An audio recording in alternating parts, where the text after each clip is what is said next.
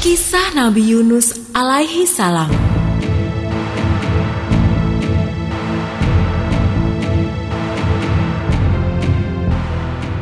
Nabi Yunus diutus Tuhan untuk penduduk Ninawa, sebuah tempat yang sekarang berada di wilayah Irak.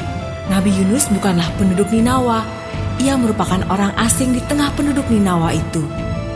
Saat itu, penduduk Ninawa berada di dalam kegelapan dan kekafiran.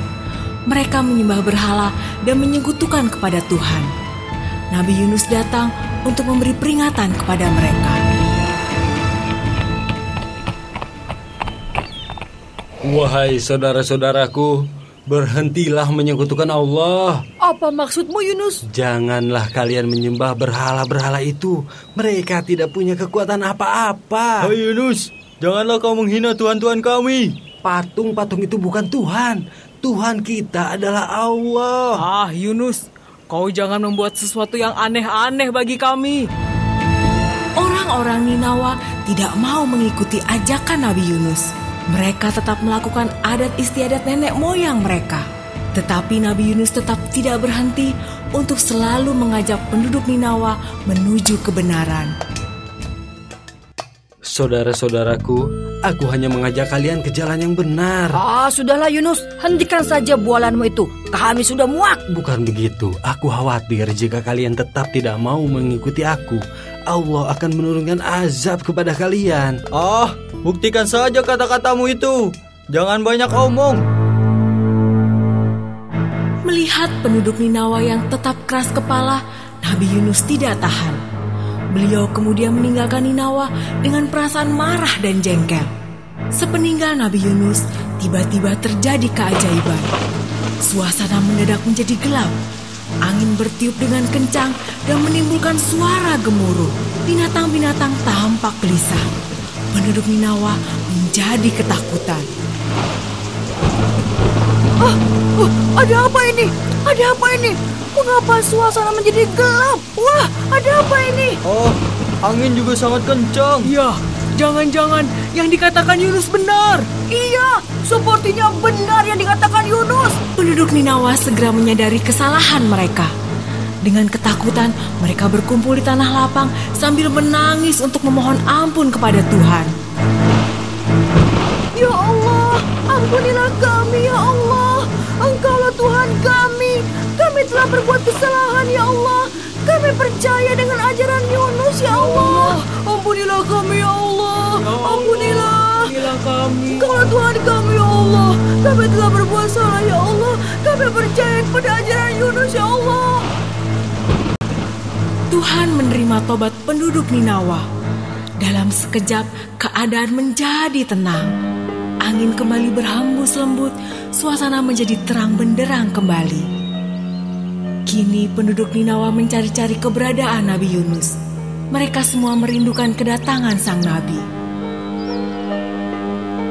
Ke mana Yunus ya? Mana dia ya? Mudah-mudahan dia kembali kepada kita ya. Ya, ya, semoga dia kembali kepada kita. Sementara itu, begitu meninggalkan Ninawa, Nabi Yunus terus berjalan. Tiba-tiba saja beliau sudah berada di sebuah pantai dan melihat sekelompok orang yang hendak naik kapal. Akhirnya Nabi Yunus ikut rombongan orang-orang itu. Ketika kapal itu sedang berada di tengah lautan, tiba-tiba terjadi badai dahsyat. Kapal itu terombang-ambing oleh gelombang yang tiada henti. Semua penumpang menjadi panik. Melihat kondisi itu, Nakuda segera bertindak. Para penumpang semua, cuaca sangat tidak menguntungkan dan kapal kita ini kelebihan muatan. Harus ada di antara kita yang diturunkan. Kita akan melakukan undian untuk menentukan siapa yang harus kita turunkan. Undian segera dilaksanakan dan yang keluar namanya adalah Nabi Yunus.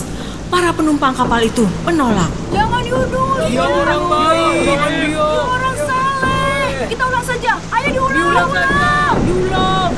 Undian pun terpaksa diulang karena nama yang terpilih adalah Yunus, penumpang yang paling mereka hormati. Ketika undian diulang, nama Nabi Yunus kembali keluar. Para penumpang kapal itu tetap minta untuk diulang. Dan ternyata ketika undian diulang untuk yang ketiga kalinya, nama Nabi Yunus kembali keluar. Nabi Yunus segera sadar bahwa ini adalah teguran dari Tuhan. Saudara-saudaraku, ini adalah peringatan Allah kepadaku. Aku akan mencebur ke laut sendiri. Terima kasih atas kebaikan kalian semua.